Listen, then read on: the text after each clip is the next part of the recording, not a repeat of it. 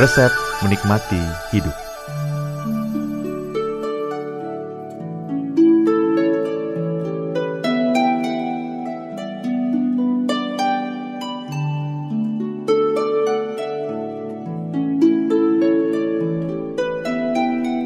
Kebahagiaan itu laksana seekor kupu-kupu, ujar seorang bijak.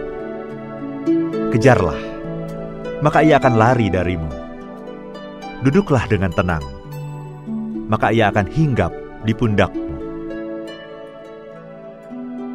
Inilah analogi yang sederhana, namun begitu indah mengenai kebahagiaan.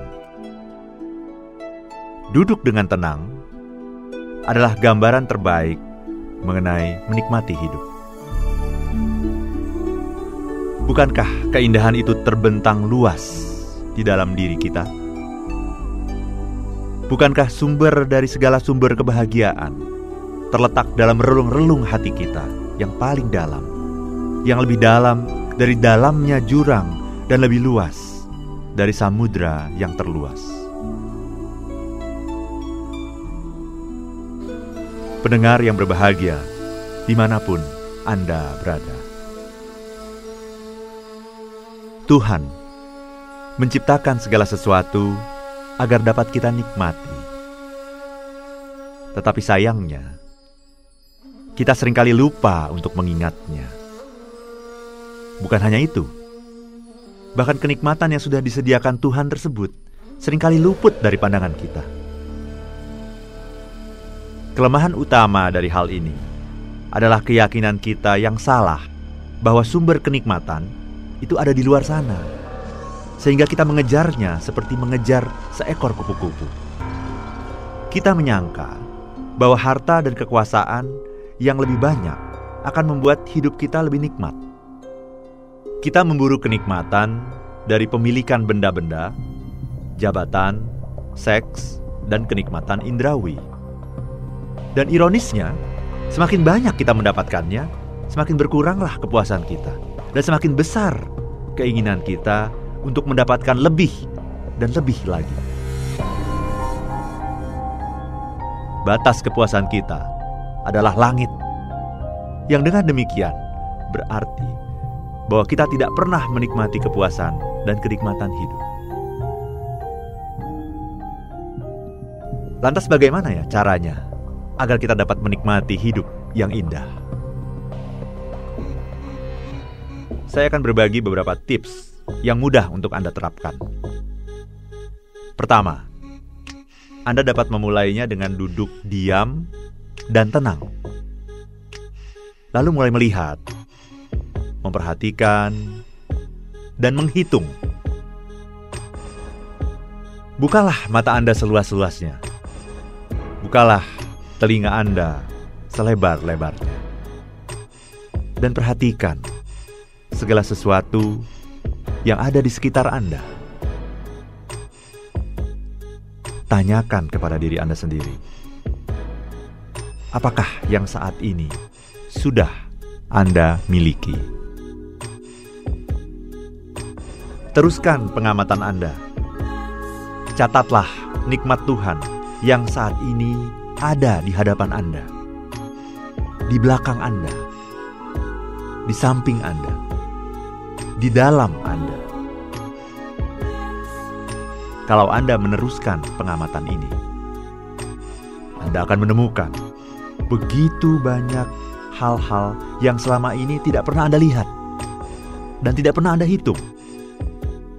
Kita sering menganggap segala sesuatu itu ada begitu saja atau taken for granted. Padahal, tak ada satu helaan nafas pun yang bisa terjadi begitu saja tanpa campur tangan Tuhan. Nah, kalau Anda terus menghitung-hitung nikmat Tuhan itu, Anda akan menemukan bahwa selalu saja ada hal yang luput dari pengamatan kita. Bahkan, kalaupun air samudra itu kita jadikan sebagai tintanya, kita tak akan pernah dapat menuliskan nikmat-nikmat tersebut secara lengkap. Pendengar yang berbahagia, di mana pun Anda berada.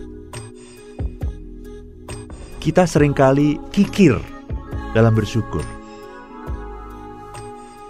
Kita hanya mensyukuri hal-hal yang luar biasa, hal-hal yang kita anggap besar, seperti kejadian istimewa, kenaikan pangkat, dan hal-hal yang kita inginkan lainnya.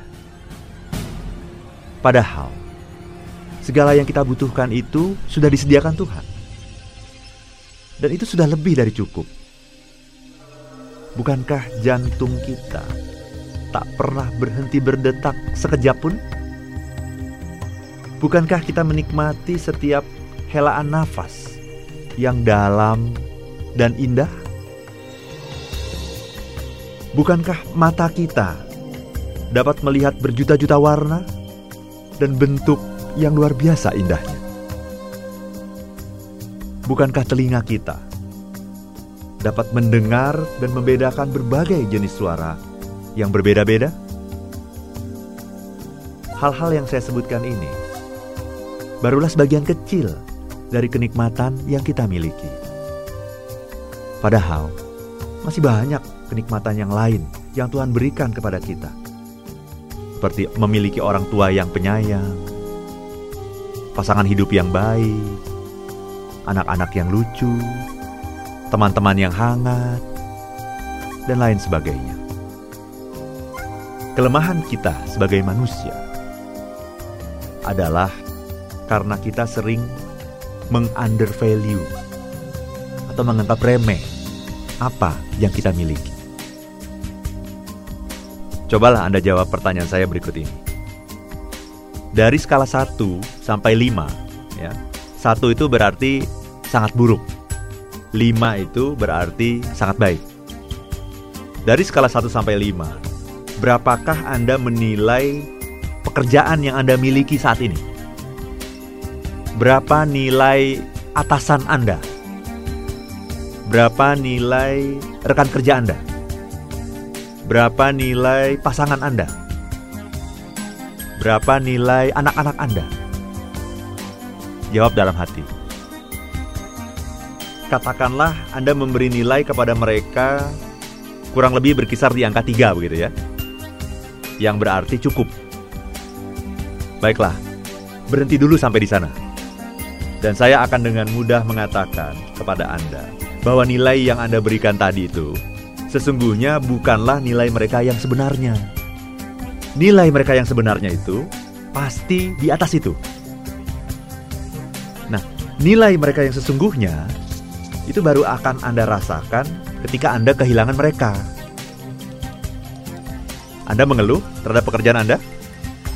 Anda merasa bahwa pekerjaan tersebut banyak memberikan beban dan tekanan tersendiri kepada Anda? Anda merasa bahwa atasan Anda di kantor terlalu menuntut dan kurang memberi apresiasi? Baiklah, saya mengerti. Tapi apa yang akan terjadi kalau suatu ketika Anda kehilangan pekerjaan tersebut. Saya yakin 100% bahwa ketika kehilangan, Anda akan memberikan skor yang lebih tinggi dibandingkan sebelumnya. Ketika kehilangan, mata Anda baru akan terbuka lebar dan memahami betapa pentingnya hal tersebut bagi Anda. Karena itu, Izinkanlah saya berbagi tips ini kepada Anda, agar Anda lebih menikmati hidup yang indah.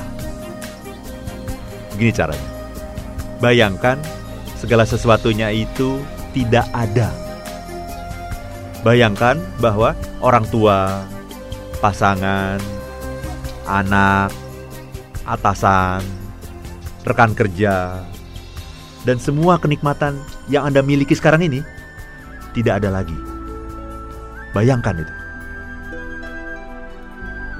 Resapilah skenario ini seakan-akan ini merupakan hal yang nyata, benar-benar nyata. Karena bukankah suatu ketika kita memang benar-benar akan kehilangan segala hal yang kita miliki? Kalau Anda menghayati skenario ini, Anda pasti akan tersentuh dan menangis dalam kebahagiaan dan keharuan yang luar biasa. Tuhan memang maha besar. Dia begitu menyayangi kita dengan memberikan segala sesuatunya di dunia ini untuk bisa kita nikmati. If you want to be happy, be happy now. Saya Arfan Radiansyah.